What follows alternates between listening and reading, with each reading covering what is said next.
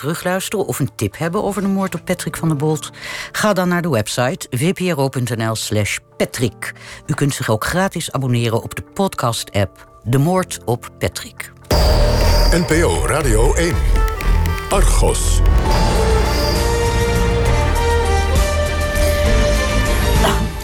Eerst waren er de Panama Papers en de Paradise Papers. Ze gaven inzicht in grootschalige belastingontduiking door de superrijken en door het bedrijfsleven.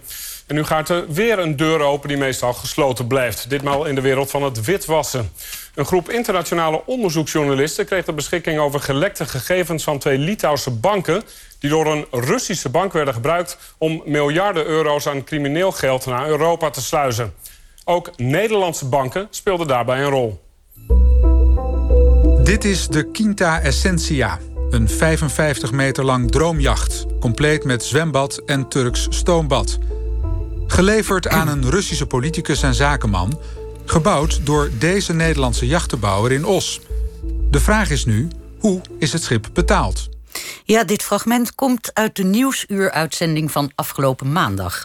Het gaat over de Troika Laundromat, een witwasmachine waarmee 3,5 miljard euro is weggesluist via tientallen schimmige bedrijfjes. Ook, zoals u hoorde, Nederlandse banken speelden een rol. Blijkt onder andere uit research van Platform voor Onderzoeksjournalistiek Investico. In onze uitzending van vorige week bespraken we uitvoerig het zojuist verschenen boek Moneyland van de Britse onderzoeksjournalist Oliver Below. Waarin hij beschrijft hoe superrijken en multinationals hun geld rondpompen en verborgen weten te houden. En met deze nieuwe onthullingen krijgen we een wat gedetailleerder kijkje in die verborgen wereld. Hoe dat werkt, wie er achter die Russische wasseretten zitten... en waarom het toch maar niet lukt om dit soort financiële criminaliteit te stoppen... daar praat ik over met Investico-redacteur Carlijn Kuipers. Hartelijk welkom. Dank je. Uh, met journalist en Ruslandkenner, sorry, uh, Hubert Smeets. Hubert, ook welkom. En met Bob Hogendoren, hoogleraar Forensic Business Studies... aan Nijrode University, zal ik moeten zeggen. Vermoed ik. Kan, en, en de naam is Hogenboom. Wat zei ik? Doorn. Ik oh, maak dat regelmatig mee. Dat is wel eh, gek. Ik ben er eigenlijk feitelijk aan gewend. Maar... Ik schrijf even heel groot boom op. Welkom. Voor familie en vrienden. Zeker, Bob Hogeboom. Uh, Carlijn, wat, wat was jouw rol bij deze laatste onthullingen? Um, ik ben door OCCAP gevraagd. Zij zijn de onderzoeksclub die deze documenten in handen kreeg. En ik heb het Nederlandse onderzoek uitgevoerd... in samenwerking met uh, Jan Kleinijnhuis, een collega bij Trouw. OCCAP, hoe heet het? Ja, je moet even zeggen, dat is een... Sorry. OCCRP. Ja. Uh, dat staat voor Organized Crime and Corruption Reporting Project. En dat is internationaal? Ja, zij zijn een onderzoeksclub uit voormalig Sovjet-Unie-landen, eigenlijk okay. Oost-Europa.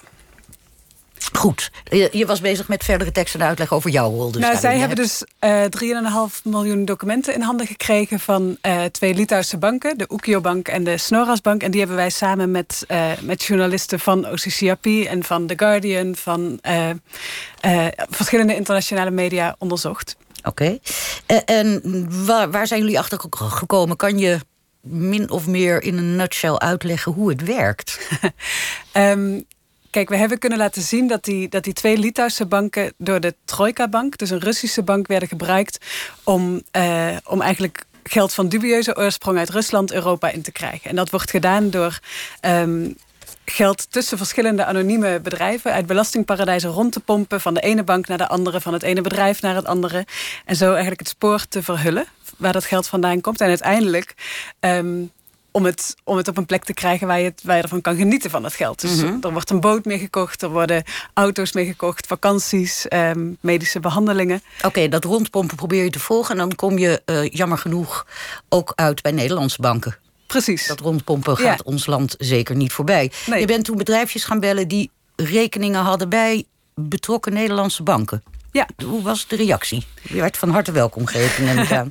nou, veel bedrijven uh, namen überhaupt de telefoon niet op. Um, en uh, een bedrijf dat ik wel te pakken kreeg was Kaft BV uit Rotterdam.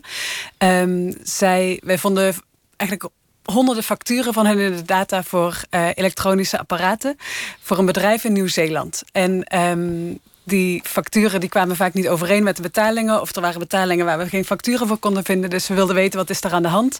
Um, en we hebben een voormalig directeur gebeld. Um, maar die wilde eigenlijk nauwelijks wat zeggen. Die zei van hoe weet je überhaupt het bestaan van dit bedrijf? Uh, ik kan je niks vertellen, ik weet hier niks van. Een bedrijf dat vraagt hoe, hoe je überhaupt van het bestaan van zijn bedrijf weet? Ja, daar was ik nogal verbaasd over. Want een, een normaal bedrijf wil, wil weten dat je het kent. Wil, is heel blij als, als, je, als je weet van dat bestaan. En dat was hier niet het geval. Het klinkt natuurlijk allemaal verdacht. Nou is de vraag of het daarmee ook meteen crimineel of strafrechtelijk fout is. Bob Hogeboom. Uh, hoe, hoe, hoe makkelijk is het om bij dergelijke verhalen, dergelijke, het volgen van dergelijke trajecten ook echt aan te tonen dat hier crimineel gehandeld wordt? Nou, dat is heel moeilijk, omdat uh, één, het volume van uh, transacties is, uh, is natuurlijk ongelooflijk hoog. daarnaast zijn de, de controlesystemen binnen financiële instellingen ehm, niet altijd even alert op het navragen, het, het doorvragen, het echt onderzoeken wie achter bepaalde transacties zit, wie achter bepaalde bedrijven zit. Dat is on, on, onder andere geconstateerd in het onderzoek wat het Openbaar Ministerie heeft gedaan, het feitenrelaas naar aanleiding van de ING-bank. Mm -hmm. waarin met zoveel woorden wordt gezegd dat, dat er onvoldoende inhoud is gegeven aan die monitoring. En, en dat heeft dus deels met het volume te maken en deels met de wil uh, binnen een uh, financiële instelling om, om voor de volle 100% voor die, uh, voor die compliance, voor die naleving te gaan. Dus we komen daar zo meteen verder nog op hoor. iedereen voelt aan zijn wateren deugd niet, maar bewijs het maar eens als, het, als dat allemaal zo ingewikkeld is. Ja, ja oké. Okay. nog even, Carlijn, wat is het, het verschil met die eerdere leaks? Wat is hier nou heel specifiek? Ja. Eh, duidelijk uit naar voren gekomen wat we nog niet al wisten of vermoeden? Kijk, in de Panama en de Paradise Papers kregen we inzicht in uh, anonieme bedrijven in belastingparadijzen en konden we ontdekken wie erachter zat. Uh, dus wie de eigenaren waren van die bedrijven. Maar vaak konden we niet zien wat die bedrijven deden, hoeveel geld er op en neer ging. En wat we nu hebben zijn juist banktransacties. Dus hier zien we geld op en neer gaan. Hier zie je eindelijk het geld, ja. de geldstromen. Inderdaad, maar hier weten we ook weer vaak niet wie er dan uiteindelijk van profiteert. Want dan stuiten we weer tegen zo'n anoniem bedrijf aan. Dus, mm. dus het zijn die twee dingen samen die het volledige plaatje kunnen maken. Maar dat, dat hebben we maar in, in enkele gevallen. Hubert Smeets, ja. uh, Rusland-kenner. Uh, waar, waar komt in eerste instantie, ik heb het niet over waar de stromen terechtkomen... maar waar begint die stroom? Waar komt dat geld vandaan? Waar hebben die mensen in Rusland, waar hebben die dat geld mee verdiend? Uh, vooral in de, in de zogenaamde ruwe grondstoffensector. Rusland is een van de allerbelangrijkste olie- en gasexporteurs ter wereld. Maar ook in de staalsector wordt ontzettend veel geld verdiend aan de export. Uh, dat is één. Dus er is een, er is een, uh, een, Russische economie die, uh, die zich ook in dezelfde manier in, op, op, op een heel groot volume heeft. Die ook, met, uh, die ook vol, heel moeilijk te controleren is, omdat het niet een factuurtje, factuurtje is van 20 euro. Dat is één. Twee, um, de Russische economie is voor een heel groot deel zwart of grijs, om maar zo te zeggen. De cijfers zijn niet helemaal duidelijk. Maar als we afgaan op de cijfers van de regering zelf. Hoe verstandig is dat? Nou, dat, dan zit je in ieder geval aan de goede kant oh. van, de, van het flatteren van de cijfers. Mm -hmm. Dan kunnen ze je niet uh, beschuldigen van hetserij. Dan is 22,5% van de Russische economie grijs of zwart. Een internationale organisatie van accountants die heeft uitgerekend dat bijna 50% van de Russische economie zwart is. En dat daarmee Rusland een van de vijf uh, landen is met de grootste zwarte economie uh, ter wereld. De andere landen zijn Nigeria, Azerbeidzjan en uh, nee, Azerbeidzjan, Nigeria, Oekraïne. twee Sovjet-republieken trouwens ook. Um, maar goed, stel dat we laten we uitgaan. Ligt daar twee... ook niet trouwens voor een deel, want ik vroeg waar komt dat geld vandaan of wie zijn dan die mensen die dat. Dat ligt voor een deel natuurlijk ook in het in de. Na, na het Sovjet-tijdperk? Of niet? Ja, zeker. Toen ontstaan. Ja, nou, in, in de Sovjet-tijd is er al, uh, zou kunnen zeggen... een basis gelegd voor de huidige corruptie... en voor de huidige uh, grijze sector. Mm. En dat kwam omdat de communistische partij van de Sovjet-Unie... eigenlijk al in de jaren tachtig doorhad... dat uh, de communistische partij de, ja, zeg maar, de levensstijl van de communisten... moest, moest proberen te garanderen... door allerhande buitenlandse firma's op te zetten. De KGB had een speciale afdeling... die zich louter bezig hield met infiltratie infiltratie in westerse economieën en westerse banksystemen met name. Uh, en ook met het uit het land krijgen van harde valuta, dollars en D-marken toen nog vooral. Maar uh, als, je, als je zegt die 22 procent, uh, grijze sector, als je dat even uitrekent op het bruto binnenlands product, de totale nationaal mm -hmm. inkomen van Rusland, dat is 1500 miljard euro ongeveer op jaarbasis. Lijkt meer dan het is hoor. Het is net zoveel als de hele Benelux, Nederland, België en Luxemburg. Maar als je daar die 20 procent op berekent, dan kom je toch op een mooi bedrag van, 200, uh, van 300 miljard euro per jaar. Wat een weg en wat moet vooral, zoeken voor zichzelf. Wat een weg moet zoeken voor zichzelf. En ja. wat vooral een weg vindt uit het land. En weg van ja, de burgers. Nou, en weg van investeringen en, daar. Nou, nu kom je natuurlijk bij een andere kwestie... die niet in de criminele sfeer zit... maar meer, je zou kunnen zeggen, in de politiek-economische sfeer. Het investeringsklimaat in Rusland is de afgelopen vijf jaar... enorm achteruit gegaan. En dat leidt ook tot een enorme uh, toename van de kapitaalvlucht. Vorig jaar, ik heb het net even opgezocht... want ik, cijfers weet ik niet altijd uit mijn hoofd... Uh, is er waarschijnlijk 65 miljard euro het land uitgegaan. Dat is meer dan een verdubbeling ten opzichte van 2000. Uh, 17. En dat wijst op, je zou kunnen zeggen, een, uh, een onwil en ook een angst om in het eigen land te investeren. En ook dat geldt natuurlijk naar veilige orde. Cayman-eilanden, Cyprus en weet ik veel waar. Bob Hogeboom, als, als, als dit verhaal hè, van Hubert, uh, als gewoon bekend is dat zo'n groot percentage van een economie van een groot land als Rusland grijs of zwart is dan gaan toch overal buiten Rusland, nemport welk land, nou dat is weer niet waar, maar zeker toch in West-Europa bellen rinkelen als er ook maar iets uit dat land van pecunia jouw kant op komt. Ja. Meteen, toch? Nee, dat is, uh, dat, dat is niet het geval.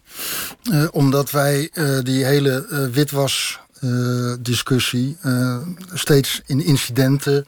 dan, dan de Panama Papers, nu is dit rapport komt weer uit... Maar waar we eigenlijk niet aan willen, is de harde, harde werkelijkheid dat, dat witwassen een structureel kenmerk is van het hele internationale financiële stelsel. En dat, dat witwassen onderdeel is van een, het businessmodel van financiële instellingen. Wij hebben als, een onbenoemd als, onderdeel, mag ik aannemen. Ja, dat wordt, daar wordt natuurlijk, daar, daar praat je niet graag over. En, en dat, dat wil je, uh, maar je zegt, mondjesmaat zeg, toegeven. Maar zeg jij nu zonder witwassen, bestaan die instellingen niet ja, volledig? die instellingen, natuurlijk, die instellingen die blijven bestaan. Maar, maar waar we niet aan, aan willen toegeven, is accepteren dat een structureel kenmerk van alle financiële instellingen. En, en eh, in het verlengde daarvan fis, fiscale adviseurs, accountants, uh, uh, mensen die in de financiële dienstverlening zitten, dat een onderdeel van hun bedrijfsvoering is dit soort van processen. En wij hebben als aan de publieke kant, in de rechtshandhaving, in de toezicht en in de wetenschap, hebben we het, het, het morele vingertje van het is niet goed en het mag niet en het is verwerpelijk en het tast de, de integriteit van het financiële stelsel aan. Dat zijn allemaal uh, uh, dat is allemaal waar en dat is allemaal goed bedoeld. Het tast maar... de integriteit van de democratie aan, zegt men. Nou, dat, dat is nog een stap verder. Daar moeten we even, misschien even scheiden. Maar, gaan we daar maar, zo op door. Maar uh, het feit is dat het aanhoudende karakter van dit soort van, van, van zaken... al vanaf begin jaren negentig dat we een beetje als politiek en als samenleving... niet alleen nationaal, maar ook internationaal... ons zijn gaan, gaan richten op wet en regelgeving, op, op toezicht, op opsporing... zie je eigenlijk dat we nu 25 jaar verder nog steeds moeten constateren, bijvoorbeeld nu in deze zaak, in de Danske Bank, ING, uh, dat we eigenlijk uh, op papier prachtig hebben georganiseerd en geregeld. En we praten uh, heel lief tegen elkaar van het is allemaal prachtig. Maar feitelijk is op de, de werkvloer van financiële instellingen is dit een businessmodel wat gewoon geld genereert en wat heel erg moeilijk onder controle te krijgen is worden mensen niet vrolijk van. Carlijn, heel even, we komen hier zo meteen op terug. Zeker ook over toezichthouders en, en politieke wil en onwil natuurlijk. Even een, een, een, een voorbeeld. Het werd al genoemd in het fragmentje wat we uit Nieuwsuur hadden. Uh, een bouwer van luxe jachten uit Os, of all places, daar stuiten jullie op. Die kreeg via een Rabo bankrekening. 43 miljoen euro van een Russische senator. Ja. ja. Kijk je niet van op, kennelijk. Wat, wat, wat was daar mis mee? Want het zou kunnen. Iemand kan dat hebben. Uh, dat zou kunnen. Um, kijk, we hebben uit deze gegevens gevonden dat het geld wat die Russische senator gebruikte om die twee jachten te kopen, dat het afkomstig was van die witwasmachine. Dus er gingen verdachte transacties aan vooraf. Um, en vanuit dat web van, van bedrijven die werden gebruikt om wit te wassen, ging 43 miljoen naar de Rabobankrekening van Hezen in Os. Um, en zo'n scheepsbouwer moet, moet controleren waar dat geld vandaan komt. En zeker bij, een, bij iemand die, uh, die politiek actief is. Um, en dat hebben we Hezen voorgelegd. En daar hebben ze geen antwoord op gegeven. Of ze die transacties hebben onderzocht. En of ze ze hebben gemeld. Wat ze moeten doen als ze concluderen dat het uh, ongebruikelijk of verdacht is. Maar oké, okay, dat, nou, dat leg je dan nu bij het bedrijf neer. Dan kom ik weer even terug bij jou, Bob Hogeboom. Blijf, blijf ik nu zeggen. Um, zeg maar gewoon Bob. Bob. Dat moet zo'n bedrijf doen, maar die bank toch ook? Ja, maar dat is dus bank... wat jij net zei, die Rabobank had toch moeten zeggen... Hm?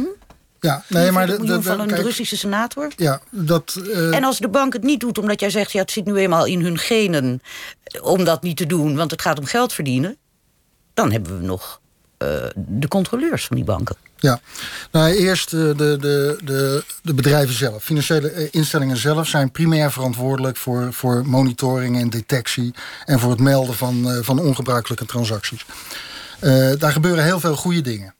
Uh, maar die, die financiële instellingen die zijn too big to control.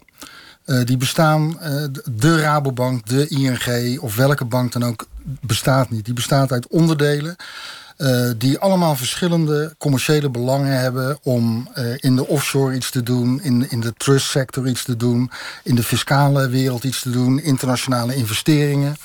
En al die afdelingen die concurreren met elkaar. Uh, die, die, die moeten omzet draaien, die moeten bonussen verdienen, die, moeten, die hebben individuele ego en, en, en afdelingsbelangen. En dat is heel erg moeilijk, omdat die, die, zo'n bank intern heel verdeeld is en verschillende belangen heeft. En dat is heel moeilijk te controleren vanuit het hoofdkantoor. Er wordt heel veel gedaan aan compliance, er wordt heel veel gedaan aan, aan toezicht, aan monitoring en dergelijke. Maar in al die zaken blijkt dat er ergens onderdelen, individuen of, of hele afdelingen, die, uh, omdat witwassen een businessmodel is, de grenzen gaan opzoeken van, van, van wat wettelijk mogelijk is. En er met enige regelmaat uh, overheen gaan, omdat ze er heel erg veel geld aan verdienen. En omdat het heel erg makkelijk uh, te organiseren is. En er dus heel erg makkelijk geld wordt verdiend.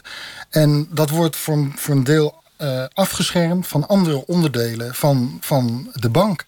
Er zijn, er zijn batterijen, er, ook Nederlandse banken... die hebben duizenden uh, compliance officers in dienst... Uh, die geacht worden die de, de krochten van financiële dienstverlening... en de, de kennis over financiële producten te kennen... ergens in, in, in het Midden-Oosten in, in, in een branch... of, of ergens mm -hmm. in, het, in, in, in, in Azië. En, en het is heel erg moeilijk om op de werkvloer van afdelingen... die hele specifieke producten en hele specifieke belangen hebben... om daarin door te dringen uh, en om te voorkomen dat daar mensen misbruik maken van, van hun mogelijkheden. En dat gebeurt structureel, op een bepaalde schaal. Hubert, dat, dat weet men in Rusland natuurlijk ook. Ik denk dat de bankensector daar niet erg anders zal, zal werken. Maar ik bedoel, die, weten, die gaan niet voor niets naar Nederland. Want waarom, waarom, waarom stellen ze vertrouwen in de Nederlandse banken? Nou, ze stellen vooral ook vertrouwen in het Nederlands civiel recht. Je zou kunnen zeggen dat als je een beetje een serieuze Russische oligarch bent... met uh, mooie verdiensten uit uh, de oliesector of de staalsector... je verdient je geld daar, je parkeert het ik zeg maar weer even, op, op de Cayman-eilanden. Maar je juridische uh, bescherming, die zoek je in Nederland. Op de Zuidas bijvoorbeeld. bij een van die vele brievenbusmaatschappijen... waar er eens in de week iemand langskomt om de plantjes water te geven. En dat is het, je zou kunnen zeggen, een vertrouwen... wat de Russische oligarchen hebben in de Nederlandse rechtspraak. In het Nederlandse rechtsstaat. Denken van als we in Rusland dat, uh, dat bedrijf uh, registreren... en uh, volledig intact laten... dan zijn we mogelijk het slachtoffer van corruptie. We zijn mogelijk het slachtoffer van politieke willekeur. Dat is natuurlijk in Rusland sinds Poetin aan de macht is gekomen... in 2000 een aantal keren gebeurd. Dat oligarchen ineens plotseling achter slot en grendel verdwenen. En dan wordt een, een rechter altijd uh, door het Kremlin gedicteerd om te vonnissen. Nou, in Nederland heb je die risico's minder. Dus je zou kunnen zeggen, het is een drietrapsraket. Geld verdienen daar, geld beschermen in Nederland... en geld bewaren ergens op een tropisch eiland. Hmm. In hoeverre is Poetin zelf trouwens eigenlijk... Is, is dit allemaal, zomaar eens even een vraagje te herleiden... tot heel direct hem? Deze hele gigantische witwasmachine. Nee. De, eh, de leegloop, de, de, de, de, de, de, de geldleegloop uit zijn land. Nee. Hij die, doet er in elk geval niet iets tegen. Nee, maar het is, niet, het is niet zijn schuld, om maar zo te zeggen. Corruptie eh, en dus ook dit soort constructies benutten... dat is een eh, Russische geschiedenis die nou teruggaat tot het jaar 1700, denk ik. Nou, toen was Poetin nog niet aan de macht, zoals we weten. Ehm, maar wat wel een feit is, is dat zijn systeem, zijn bewind, um, gebaseerd is, steunt op uh, oligarchen die uh, allerhande voordelen krijgen van de regering, mits ze maar ja namen zeggen tegen de politieke keuzes die Poetin maakt. En daarom zie je ook bijna geen oligarchen meer in Rusland die nu, nu dan kritische kanttekeningen plaatsen. Of Poetin zelf met zijn uh, vinger in de suikerpot zit, dat denkt men wel. Er is een eh, Russische uh, journalist die denkt dat Poetin zelf een vermogen heeft van 40 miljard dollar. Ik durf daar helemaal geen zinnig woord over te zeggen. Ik vind het een krankzinnig bedrag.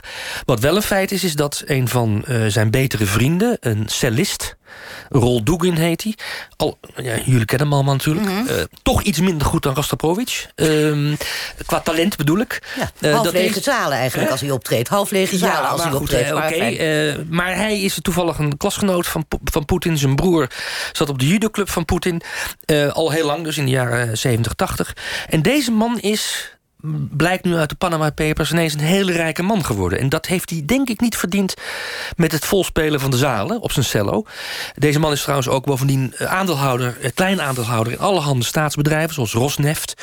Uh, hij zit ook, geloof ik, in, heeft ook relaties met Rostelecom. Dan heb je het over de KPN, zeg maar, van Rusland. En deze man die, is zo rijk dat sommige mensen vermoeden dat hij misschien als een soort van katvanger fungeert voor mensen in het Kremlin, misschien zelfs de president zelf. Carlijn Kuipers, hebben jullie iets gevonden wat... Hubert zegt, ik zou er niks over durven zeggen. Er, is, er zijn ook niet echt sporen. Maar hebben jullie iets gevonden wat zou kunnen leiden tot iets meer helderheid... over de financiële handel en wandel van Poetin... als het om dit soort aangelegenheden gaat? Nou, de meest concrete zaak die we hebben gevonden... en dat uh, noemde u al, is, is die cellist. Ja. Uh, we kwamen hem al tegen in de Panama Papers... en hier hebben we gevonden dat hij nog eens... Um, tientallen miljoenen uh, heeft gekregen op, op rekeningen van twee van zijn ja. bedrijven... waarvan zeker 13 miljoen waarvoor hij helemaal niks hoefde te doen. Um, dus dat, waren, dat was omdat hij contracten had getekend... en die werden meteen weer geannuleerd. En voor het annuleren van die contracten kreeg hij, kreeg hij miljoenen. Uh, wat redelijk verdacht is. Ja. Um, ja.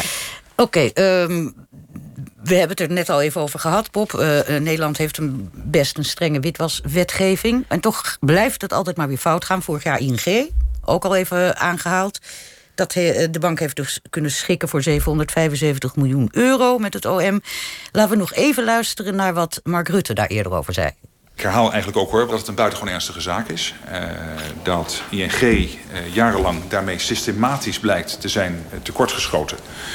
in het naleven van de wet die het witwassen van crimineel geld...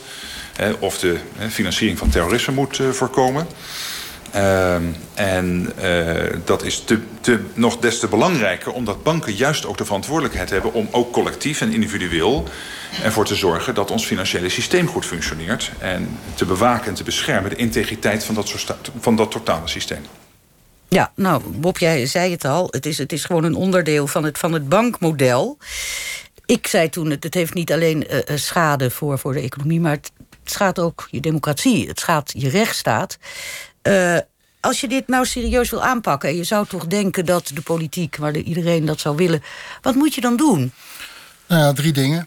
Eén, uh, uh, moet je heel uh, kritisch gaan kijken... of nog kritischer dan nu gebeurt...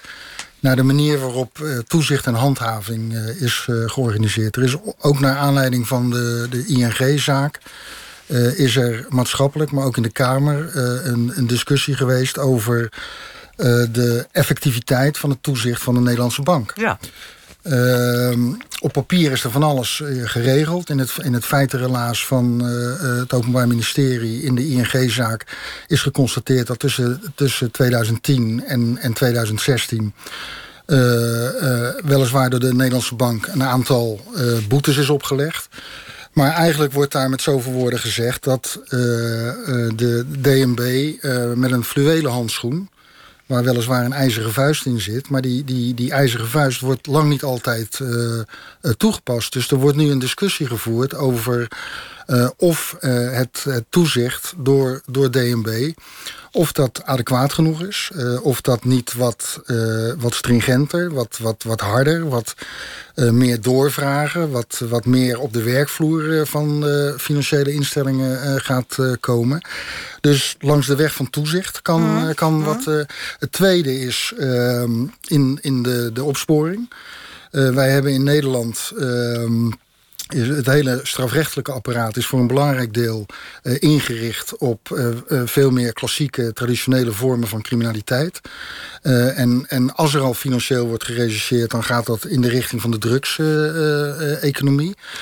maar Dit is ook al een heel lang gehoorde klacht, hè? Dat inderdaad van de fiscale, financiële rechercheren, dat, dat Nederland daar niet, op een of andere manier niet zo sterk dat is. Dat financieel rechercheren is ook vanaf 93 of zo is dat op de agenda gekomen. Er is onder om de paar jaar gaan daar hele grote hoeveelheden geld uh, naartoe. Uh, en we weten niet precies uh, waar, dat, waar dat heen gaat, waar dat toe leidt, wat de effectiviteit daarvan is. ook een paar jaar geleden is er een rapport geweest dat heel kritisch is over de kwaliteit van de opsporing. En dan wordt er weer gezegd van ja, we moeten dat financieel rechercheren onder andere. Maar het, het, in die 25 jaar is, is dat niveau nog steeds suboptimaal. Dat is één. Maar twee, ook de prioriteitsstelling. Van, van waar, wat vind je als, als Nederlandse rechtsstaat belangrijk? Uh, vind je eh, die, die aandacht voor uh, uh, onder andere die drugseconomie? dat is natuurlijk noodzakelijk dat daar van tijd tot tijd wat aan gebeurt. Maar kan je niet iets meer capaciteit, ook in de richting van, -hmm. van fraude en van witwassen en van corruptie? En denk je, Carlijn, jij of jullie onderzoeken internationaal, jullie zijn heel erg internationaal bezig. Is dat niet de kant die je ook eigenlijk op zou moeten gaan? Want Bob zegt, wat zou je als Nederlandse rechtsstaat willen? Moet je niet eigenlijk het woord Nederlands weglaten... En, of misschien zelfs Europese rechtsstaat gaan zeggen... dat ja. er veel meer internationale samenwerking niet alleen door uh, journalisten, onderzoekers, maar ook op dit gebied zou komen. Ja, kijk, wij hadden deze verhalen niet kunnen maken zonder internationale samenwerking tussen journalisten. Dus daar is het heel erg snel gegaan de afgelopen jaren. En ik denk dat het ook voor uh, opsporing en, en, toezicht geldt. Dat je, kijk, die, die geldstromen die, die schieten van de ene kant van de wereld naar de andere. Ja, die, die kennen geen grenzen. Grens. Nee. Dus het, het ja, ik kan me heel goed voorstellen dat je, dat je handhaving... dat je dat ook niet bij de grens moet laten stoppen. Er wordt nu ook gesproken over een Europese financiële politie en zo. Mm. Um, nou, we weet, ik, ik refereerde er al even aan dat wij hier vorige week uh, het boek Moneyland bespraken. Ja. En dat uh, werd gerecenseerd door Mark Chavan, uh, oud-NRC, nu de correspondent. En die zei naar aanleiding van dat boek... we zaten hier allemaal met rode oortjes en een beetje geschokt op onze stoel, stoel te tollen. En die zei... Um, dit ook. Hè. Er moet veel meer internationaal gebeuren. Naar aanleiding van het boek is hij eens gaan checken... hoe Nederland zich opstelt bij Europese voorstellen... dan wel van de commissie, dan wel van, vanuit het parlement... om dienaangaande strengere regels en meer internationale regels aan te pakken. En Nederland, zei hij, als ik lieg, lieg ik in commissie... is consequent een van de eerste die al die veranderingen en mogelijke voorstellen blokkeert, Hubert. Hij was daar diep geschokt over, maar wij ook. Uh, dan komen we terug op het verhaal van Bob Moreel. Heffen wij ons vingertje, Nederland. Maar we doen er echt helemaal niets aan. Om ook maar iets nee, te Afgelopen week heeft de Europese Raad uh, volgens mij een, een, plan van de Europese Commissie, een voorstel van de Europese Commissie om een soort van zwarte lijst van banken te maken, die wat scherper moesten worden gecontroleerd, uh, afge, afgeblazen, geblokkeerd zou je kunnen zeggen. En dat was in, uh, in Rusland groot nieuws. In oh, ja. Nederland heb ik het volgens mij in geen één krant gelezen.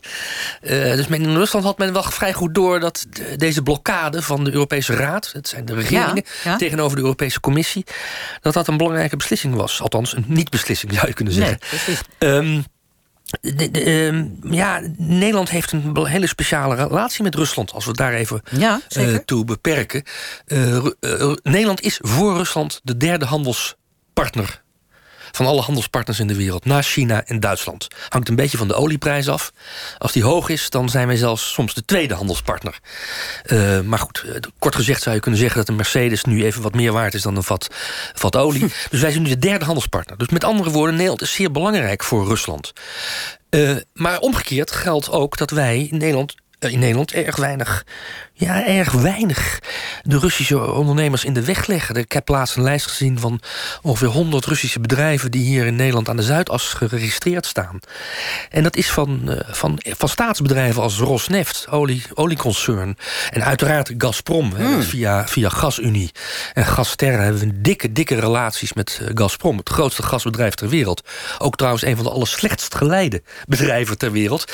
Want weliswaar zouden ze uh, op het grootste gasreserves uh, ter wereld zitten. Maar als je kijkt naar de rentabiliteit en de winstgevendheid... dan is dat heel slecht. En dat komt omdat er zoveel corruptie in het spel is. Uh, ook bij Gazprom. Daar is, dat is, een, dat is een, ook een, een, een, spin in het web van een heel corrupt schema.